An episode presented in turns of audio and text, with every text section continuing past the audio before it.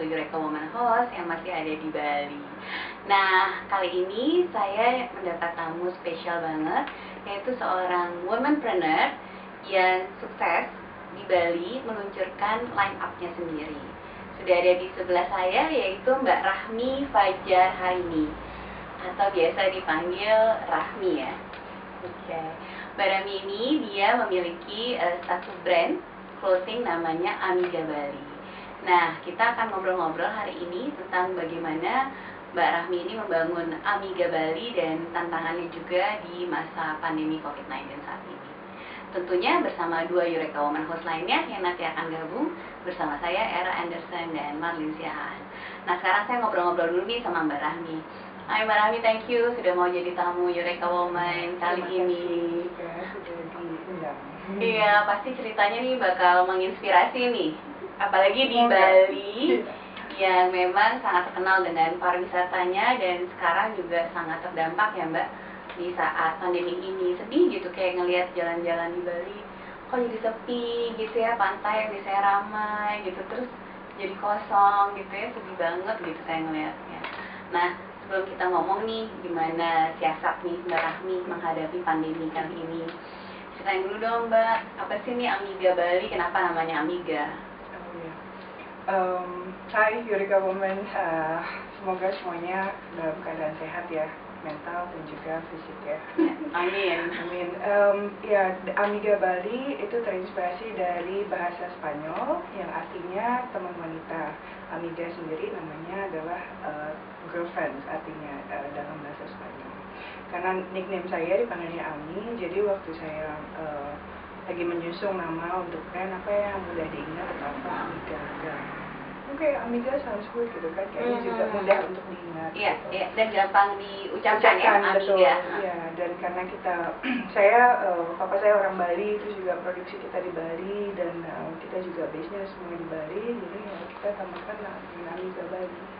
Apa nih yang membuat Mbak Rahmi untuk akhirnya tahun 2014 ya. Gimana nih uh, saya mau punya clothing uh, dengan brand saya sendiri gitu ya Amiga Bali. Itu apa yang mencetuskan Mbak? Hmm, saya awalnya saya dulu bekerja kita hmm. uh, kita tinggal di Jakarta lalu uh, postur saya lumayan cukup uh, besar untuk dibandingkan untuk sizing Indonesia sendiri jadi uh, banyak kan memang baju-baju yang waktu itu saya punya tuh masih city look sedangkan di Bali tuh kayaknya perlu occasion lain gitu yeah. kan karena sebenarnya oh, formal banget sih gitu kan sedangkan di Bali nah 2014 itu belum gitu banyak pilihan hmm. uh, jadi awalnya ya karena juga saya um, waktu itu pengen uh, anak kedua ya hmm. ya kan uh, ada momen tuh di mana saya di rumah uh, ini nggak bisa nih di rumah aja gitu kan hmm. Uh, biasa bekerja jadi Jadi sibuk gitu ya? sibuk benar-benar. Jadi ya udah uh, mulai mulai coba-coba untuk buat baju yang kayaknya masih uh, kepake di Bali ya kan? Terus juga dengan grading dan uh, dari situlah kita coba-coba dari komunitas teman dulu ya kan? Uh, dulu banyak kan custom memang hmm. uh, jadi uh, apa custom made uh, terus akhirnya ya kita buat uh, banyak kolaborasi juga waktu itu karena saya koleksinya masih sedikit jadi ada hmm. teman yang lain yang hmm. udah uh, punya kita buka toko hmm. itu awalnya di Seminyak terus beralih ke mall akhirnya perkenalan untuk di hotel-hotel akhirnya merambah hotel-hotel bintang yeah. 5 loh yeah. Amiga Bali ini yeah. hebat sekali iya yeah, yeah, yeah, dari situ awalnya oke okay. jadi karena waktu itu sizingnya tidak tidak seperti uh, perempuan Indonesia kebanyakan malah bikin brand sendiri. Hebat loh. Ini satu hal yang patut dicatat. Kalau menemukan kesulitan bikinlah sendiri. Ya itu lebih iya, gampang. belajar belajar di sana. Tapi uh, karena dulu tahu uh, ya um, dari fashion sendiri itu banyak sekali yang perlu dipelajarin jadi saya banyak berteman dan juga cari teman hmm. uh, yang bisa mengajarkan saya tentang patron, tentang hmm. grading, hmm. Uh, jadi secara otodidak. Hmm. Dan di situ dibantu dengan uh, asosiasi, gitu. hmm. jadi uh, ikut asosiasi yang bisa mendukung kayak asosiasi bisnis lah, hmm. uh, ada di sini GCI, terus juga untuk ekspor kita ikut di Bido, hmm. uh, terus juga ada teman-teman yang memang desainer, uh, jadi banyak belajar dari mereka. Hmm. Hmm, Oke, jadi belajar otodidak ya. Sampai akhirnya sejauh ini tahun 2020 ya, berarti sudah enam tahun ya kurang Hmm, lebih. iya, wow. Masuk ke ya, masuk tahun ke tujuh ya. Nah, sekarang Amiga Bali kan juga terkenal dengan sustainable fashion-nya ya. Itu sejak tahun berapa tuh, Mbak? Uh, sustainable fashion kita mulai sebenarnya karena suami itu banyak bekerja dalam praktik sustainable, jadi itu memang sudah ada di, di keluarga. ya. Oke. Jadi uh, suami in charge untuk beberapa hotel untuk bagaimana mereka mempraktikkan sustainability. Hmm. Nah, uh, ditambahnya lagi karena di asosiasi saya itu ada waktu itu uh, perkenalan tentang sustainability in fashion. Um, saya merasa tertarik di sana um, dan um, kebetulan saya di, diambil untuk um, in charge untuk divisi tersebut Mhm. kita buat namanya uh, Fashion Revolution mungkin uh, Oh, oke. pernah dengar Mhm. itu kan movement di seluruh dunia Mhm. jadi kita uh, melakukan itu di Bandung kita advokasi di sana Mhm. disponsori oleh pemerintahan Kanada Mhm. untuk garmen-garmen yang memang ada di Bandung Hmm, karena di. Bandung dengan salah satu model uh, uh, kita uh, source kita itu Mhm. memang apa uh, consultant uh, Oh. bilang garment sustainability Adanya di Bandung ya? Uh, dia orang Jerman, uh, dia keliling-keliling, tapi karena organisasi itu memfasilitasi, uh, jadi kita mengadakan campaign di sana. Nah, mulai dari 2018 lah, saya mulai oke bisnis yang sudah ada, kita mulai mulai coba jalani dengan uh, ini adalah penting dilakukan untuk ke depannya. Mhm, Jadi mhm. Uh, mulai dari uh, source-nya, ya Mhm. kan, uh, bahannya, terus Mhm. juga bagaimana kita meminimize waste uh, ke Mhm, landfill mhm. atau ke laut ya kan Mhm, jadi betul. hampir dari 2018 ke eh, tahun berikutnya kita melakukan campaign tersebut. Bandung di Bali. Iya, iya. juga di bisnis Sebenarnya sudah ini ya, Liga Bali udah one step ahead. So, saya ingat tahun kalau Mbak Rahmi bilang tahun 2018, itu tahun 2018 sebenarnya belum banyak orang sadar akan sustainable fashion Hmm. gitu. Dan mereka udah tahu akan apa ya, hmm, efek rumah kaca, atau ya kan pemanasan global. Mereka tahu tapi mereka nggak menyadari pentingnya hal itu dilakukan untuk mitigasi gitu apalagi sustainable fashion kayaknya very lasting on mind gitu Hmm. tapi mbak sudah berani gitu Iya. kan terjun ke sana dan sekarang pada saat pandemi ini kan orang baru mulai sadar tuh tahun lalu gitu ya. Pentingnya menjaga konservasi alam gitu termasuk sustainable fashion akhirnya jadi rising up gitu ya. Jadi sebenarnya mbak Rahmi ini one step ahead gitu Amin. Namanya- Karena belajar belajar. iya. Oke. Uh, Melihat uh, hal itu gimana, Mbak? Sekarang kan nih rising Iya. up nih sekarang sustainable fashion ya. senang banget senang banget Mm-mm. karena banyak pick up apalagi kalau dilihat eh, kayaknya generasi eh, yang baru ya kan mereka sangat peka ya terhadap terhadap itu Eh, karena kayak saya mungkin saya masih di transisi antara existing eh, business model saya yang sebelumnya sama ini eh, gimana nih? Karena saya tahu pentingnya untuk melakukan tapi ini nggak bisa juga untuk tiba-tiba stop. Betul. itu. Jadi kita tempering tapi juga kita apa dari karena em, yang bikin saya em, klik adalah saya penyumbang waste eh, terbanyak karena garment itu kedua Oh iya iya iya saya ingat eh, saya Iya. pernah ikut fokus group discussion dengan Iya. KLHK Iya. dan memang dibilang Iya. waste terbanyak itu salah satunya Betul. dari Garment. garment. Yes, exactly nomor dua di dunia Mhm, mhm. dan eh, apalagi dengan fast fashion Mhm, seperti mhm, itu. Em, karena misalnya kita taruhlah eh, jalan ya ke mall seminggu seminggu lagi udah ada style baru ya kan. Itu stok yang dia bikin untuk seminggu lalu Mhm. itu dikemanakan seperti itu jadi Mhm. situ yang saya kayak oke em, at least ada small contribution yang saya bisa lakukan karena saya sudah tahu Mhm, gitu mhm. jadi apa yang bisa saya lakukan ya dengan karena bisnis saya eh, di fashion Mhm. At least eh, itu bisa saya lakukan gitu Mhm. Eh, step satu karena banyak sekali sebenarnya banyak sekali yang bisa kita lakukan dari pemilihannya lah atau dari waste kita sendiri Mhm, kita manage mhm, untuk uh, repurposing the Mhm, material mhm, um, atau uh, uh, bahan-bahan yang kita ambil itu dari Mhm, mana mhm, source-nya uh, atau uh, kita ambil bahan yang lebih sustainable Mhm. agar mereka bisa biodegradable Mhm. atau kita juga slow Mhm. the fashion Mhm. dengan uh, kita nggak perlu tuh uh, saat minggu ini terus Mhm. habis itu minggu depan Mhm. karena satu baju misalkan kita di Amiga sendiri bisa versatile bisa ganti-ganti Oh iya iya iya iya multifungsi, iya. Jadi lebih itu. lebih long lived ya. Iya, jadi Betul. banyak angle bagaimana kita bisa kontribusi ke dalam sustainability saya jadi ingat kalau dulu sebelum pandemi ya brand-brand fashion besar itu kan bisa empat kali minimal dalam setahun untuk mengeluarkan koleksi terus sekarang waktu pandemi mereka cuma akhirnya berkurang. Ada yang cuma dua kali ada yang cuma sekali. Itu sebenarnya part of yes, sustainability fashion ya. banyak sekali angle yang mana hmm. uh, kita bisa mengkontribusi untuk slow down uh, karena itu kan dibuat oleh apa uh -huh. uh, rush rush beli -huh, beli uh -huh, more consume uh -huh. ya kan.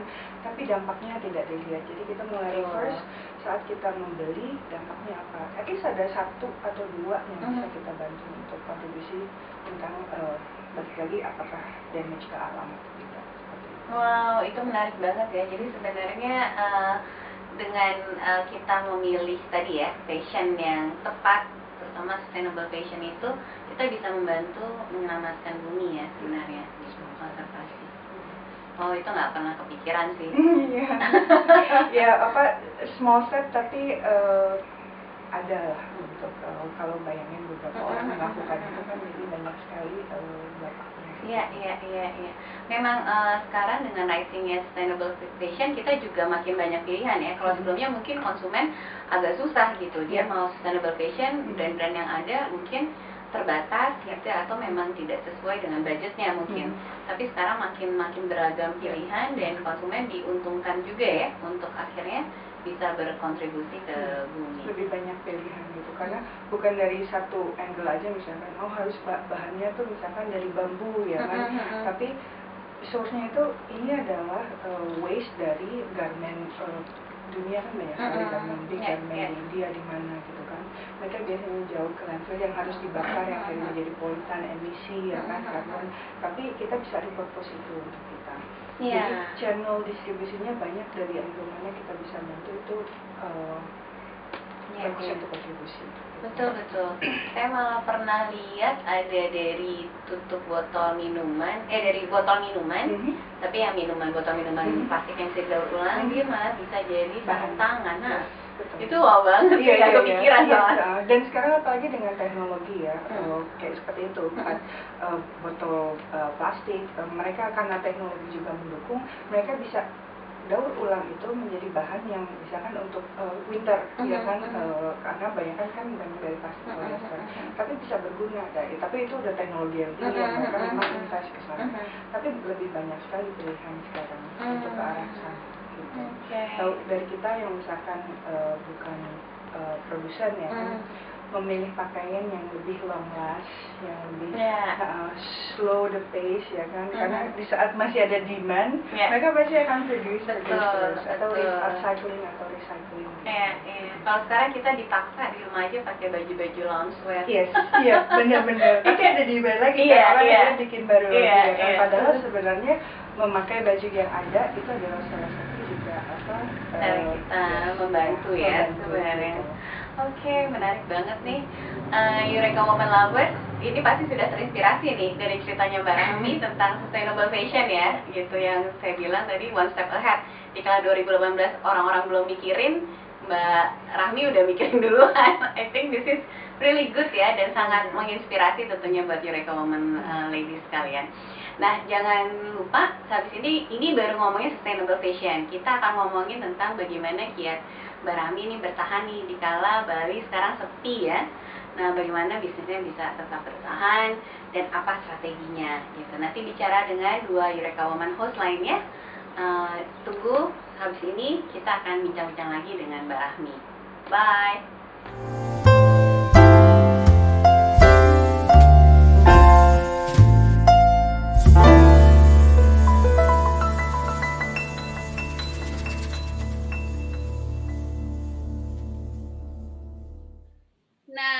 Eureka Woman. Ladies, saya sudah bersama Marlin Siahaan dan Era Anderson, dua Eureka Woman. Halo. Hai, Mir. Hai, halo, Era. Halo, apa kabar? Halo, halo. Di sebelah halo, saya. Rami. Iya, di sebelah saya sudah ada Mbak Rahmi yang memiliki brand uh, Amiga Bali dan tadi sudah sempat menjelaskan panjang lebar tentang sustainable fashion. Ini nih karya karya dia ini bisa ini loh dari bambu ya mbak ya dari bambu. Hebat kan? Wow, keren. Keren banget ya Rahmi. Wow. Ini apa namanya eh, bahan-bahan sustainable fashion ini kayaknya bener-bener lagi happening banget ya.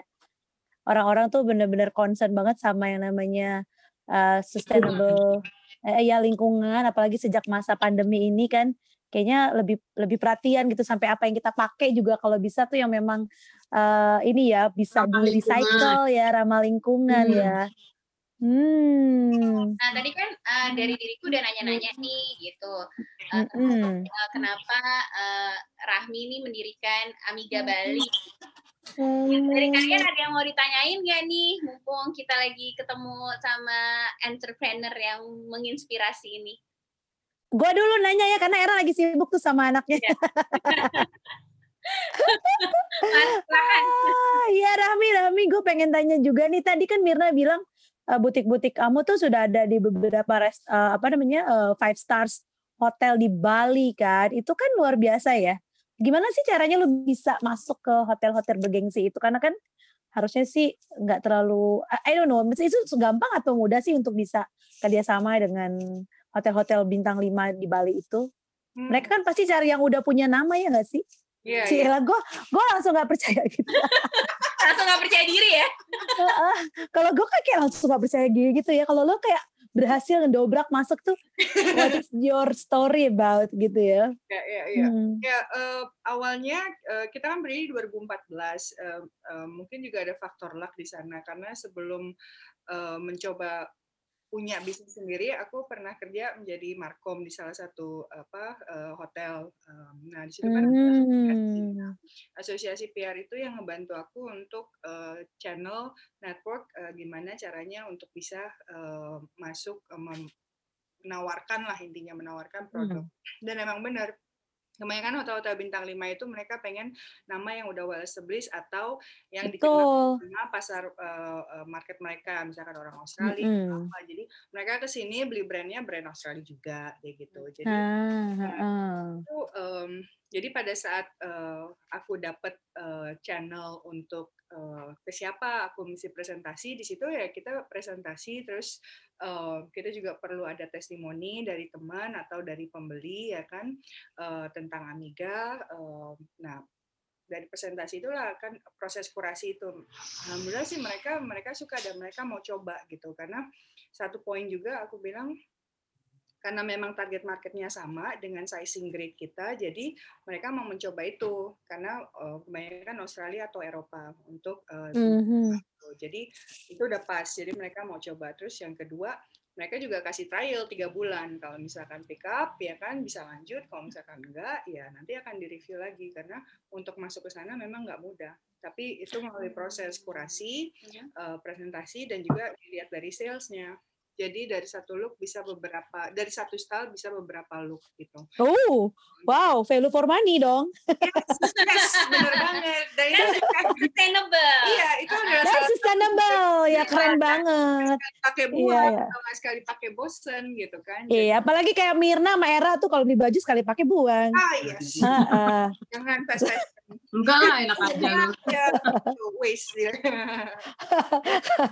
iya iya iya iya. Nih ini dia nih bener-bener value for money banget ya udah bisa uh, model desainnya keren terus udah gitu uh, dapat uh, bisa berbagai look gitu terus juga uh, nggak me- ramah lingkungan gitu kan. Jadi kita juga beli nggak merasa berdosa ya. Kalau yang mau, mau merasa nggak berdamai. Cuma cuma ini aja, cuma kerja keras aja. Buat Iya beli. untuk beli untuk beli kan karena pasti worth for money juga gitu kan. Bener-bener. Tapi semuanya balik lagi ke ke Bali ya kan. Heeh. Semua produksi di Bali bahan semua dari Indonesia ya kan. Jadi ya eh, nggak nggak nggak apa back to the community gitu. Hmm. Jadi ini semua bahan-bahannya ini eh, at the moment semua dari Bali gitu. Ada yang dari pulau pulau luar gak? Kalau Ya kok bisa sih semua bahan itu tersedia di Bali apa nggak ada di Pulau Sumatera gitu? ini Ya, mulai orang Sumatera nggak bagus nih, nggak bagus. Orang Sumatera nggak seneng. Nah, sebenarnya kita ada dua channel, ada dua tab eh, Heeh. apa eh, sumber bahan. Yang yang sekarang kita lagi usung adalah bahan-bahan yang biodegradable. Kenapa biodegradable? Jadi at some point itu baju sudah dipakai atau udah nggak nggak jadi fungsi pakaian, pada saat dibuang ke landfill itu nggak merusak lingkungan karena eh, dia bisa diurai. Ada satu lagi source yang kita bisa juga dibilang approach ke sustainability adalah source AMI itu eh, dari waste yang sudah dipak- tidak dipakai lagi. Jadi ada ada salah satu channel di mana mereka tuh sebenarnya udah harusnya dibuang ke landfill dan Mhm. dibakar ya Mhm. jadi emisi ya kan. Tapi kita ambil itu kita re- eh, repurpose lagi untuk bahan itu. Jadi kita salah satu membantu untuk eh, kelangsungan juga eh, sustainability lingkungan seperti itu. Jadi ada dua approach dari Amiga.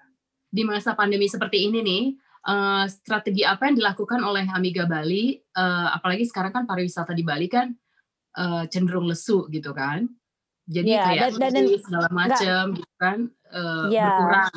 Jadi strategi yang Rahmi lakukan eh, untuk Amiga ini apa gitu?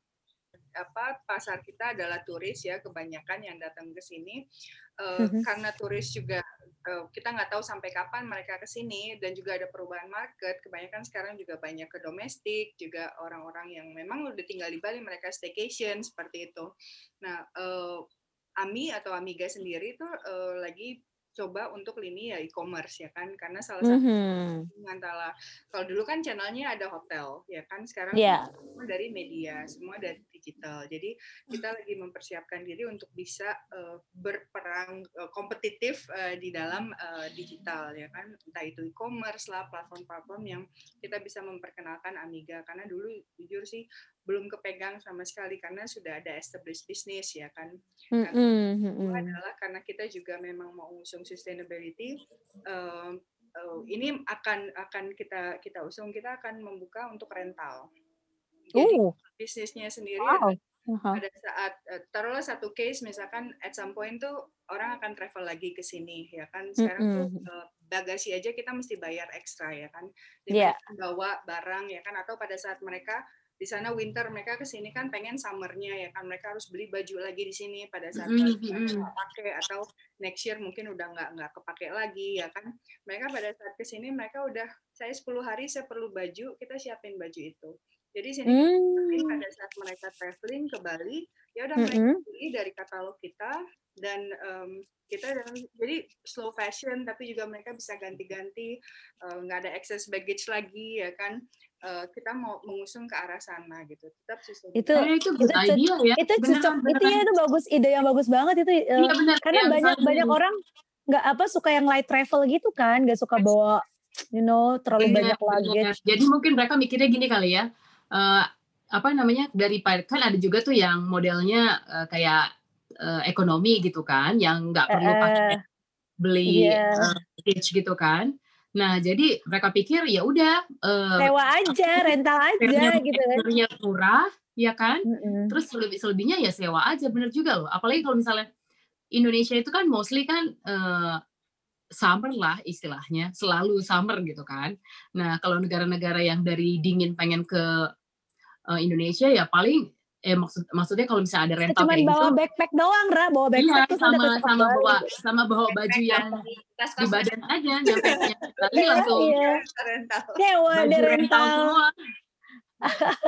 Kayaknya nanti abis ini Amiga mesti ngomong sama gue deh kalau strategi digitalnya harus perlu ku gue perdalam nih sama dia nih. boleh boleh boleh boleh boleh.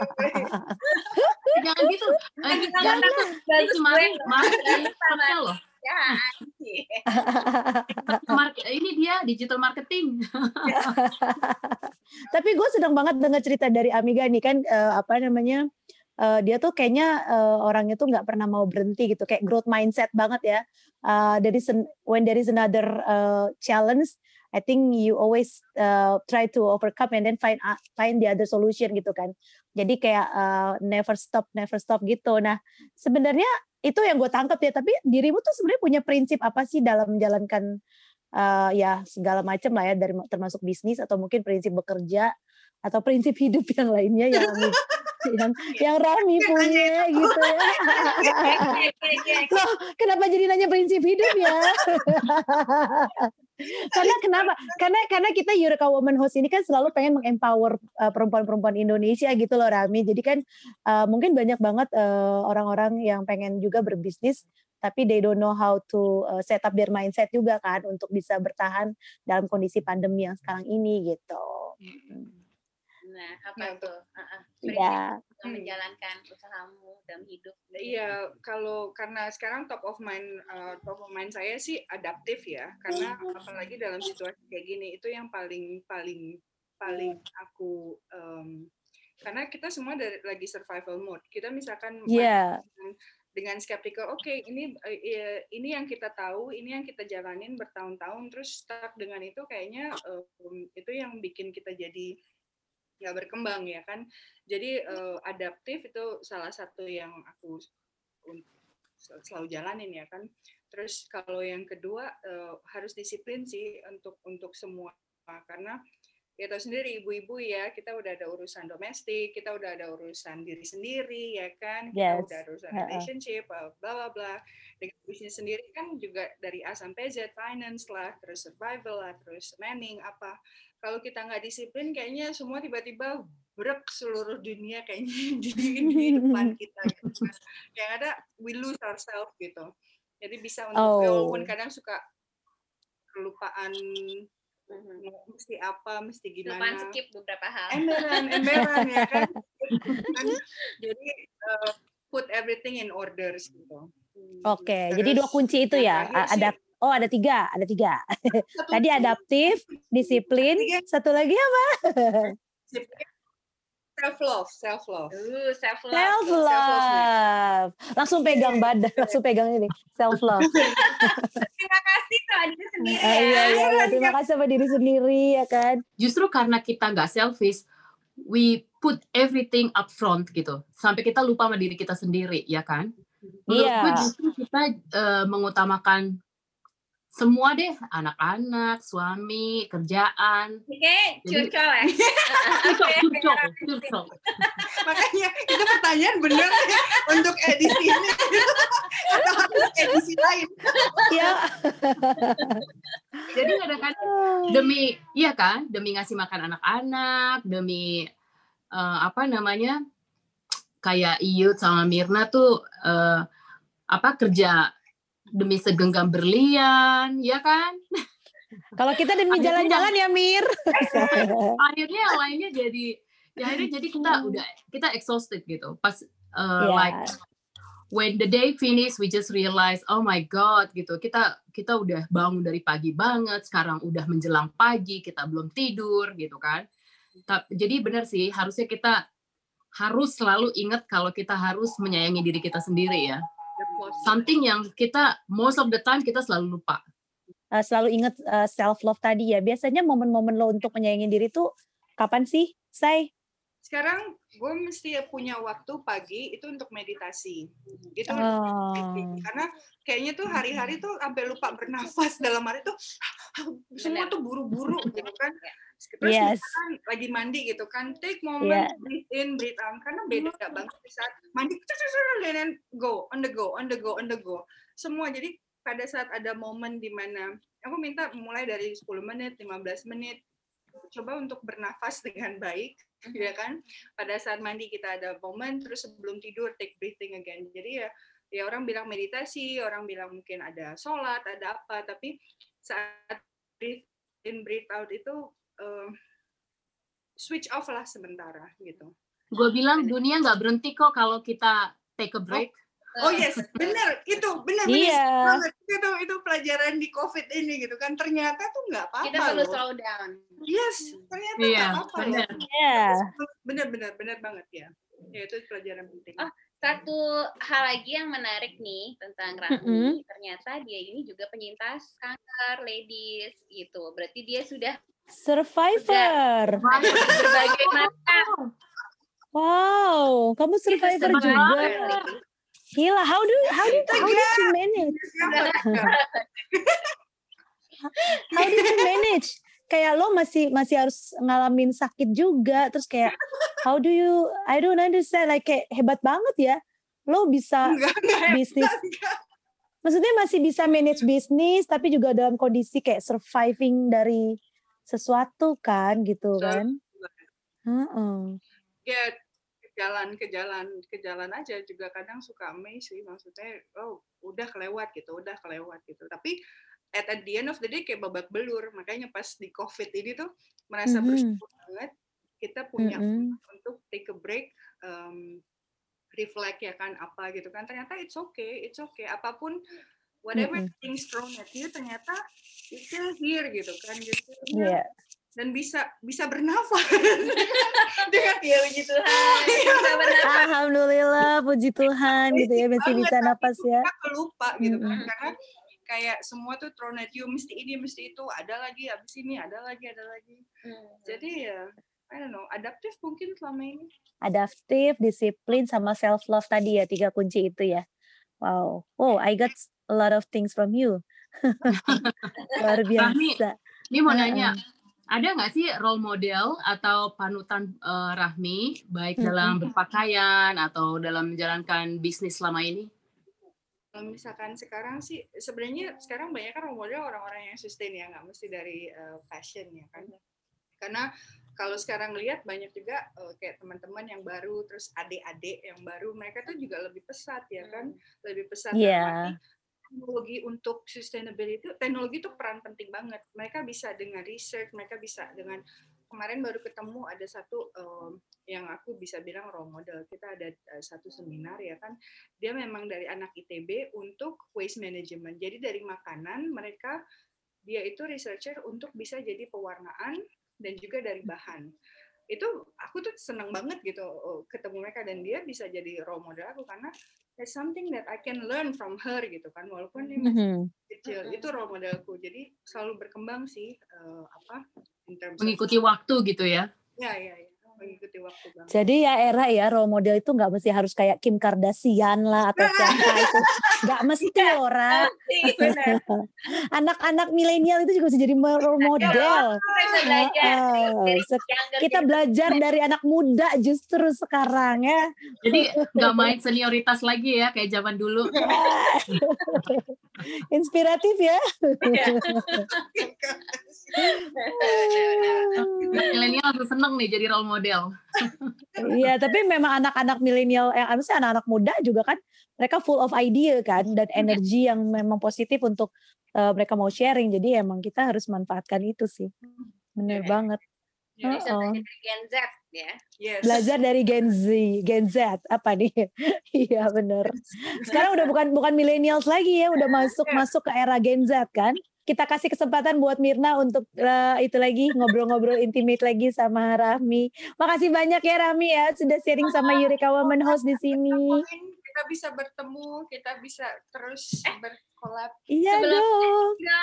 Lin, kita tanya sama Rahmi, ada nggak message buat eh, para Eureka Woman yang eh, mungkin punya usaha atau you know di entrepreneur di bidang fashion? eh, Ya. Eh, advice dari Rahmi, pesan-pesan atau tips mungkin? tips um, eh, apa ya Um, mungkin dari pengalaman kali Iya. ya karena aku kan juga otodidak kan untuk bisnis ya kan untuk desain ya kan jadi tapi aku selalu pengen belajar jadi nggak pernah aku nggak pernah malu tuh misalkan belajar dari yang lebih muda atau belajar dari orang yang lebih senior dalam arti mungkin mereka kelihatan oh eh, ini anak baru gitu kan. Nanya-nanya aja gitu kan. Dan aku sangat amat terbantu di saat pas nge- ngebuka Amiga aku masuk asosiasi banyak senior ya kan yang memang udah di bidangnya. Terus Mm-mm. mereka juga baik sih mereka ngerangkul aku gitu. Jadi eh, aku Hmm. berkembang dengan dengan dengan mereka gitu kan. Nggak pernah ikut formal karena memang bukan backgroundku tapi aku berkembang di situ terus terus Oh. banyak nanya banyak pengen tahu gitu Hmm, jadi jangan malu untuk belajar ya, bahkan untuk ke tadi ke generasi yang lebih muda ya. Semoga ya. Next, apa lagi? Ada satu lagi. Ya, Satu eh, lagi, wisdomnya banyak loh ini karena masalah belajar eh, Heeh. eh, dari dari awal kita buka internship. Jadi untuk siapa Ah, apa dua tahun kita bantu untuk disabilitas. Terus akhirnya mereka punya skill, tambahan skill yang mereka Hmm. bisa sekarang mereka udah bisa bekerja. Jadi open for any lini gitu kan Mhm, untuk internship. Jadi Ah. Kita jadi kamu juga just memberdayakan para disability disability yang ada di Bali ya? sih organisasi kita Ah. banyak channel ke sana terus eh, kita buka itu all- always open dulu anak unpar eh, juga eh, di sini eh, beberapa tahun gitu Mm-mm. ada program intern Hmm, oke. Hmm. Luar Berarti biasa. kalau ada yang mau ikutan program intern bisa bisa menghubungi Mirna mungkin. Gen Z, Gen Z, Gen Z, Gen Z, Gen Z, Gen Gen bisa ke sini ke Bali, ke Amiga. Iya, iya, iya, iya. Harus, harus nanti kita harus ketemu ya kalau ke Bali ya. Yes, pasti. Bisa DM ke at Amiga Yes, Bali Amiga ya. Bali. Iya. Oke. Nanti kita oke. kita follow uh, Amiga Bali. Uh, Amiga Bali juga tolong follow Eureka Woman uh, Yes, I- IG juga ya. Thank you banget ya. Thank you. Thanks ya, Thank you, Rami. Ya. your time. We love you so much. We love you so much. You're so inspiring. Semangat kan? Ya, tetap Semangat. semangat Rahmi. Uh, uh, tadi udah mau lodoh ya. Udah sore. Do, will do.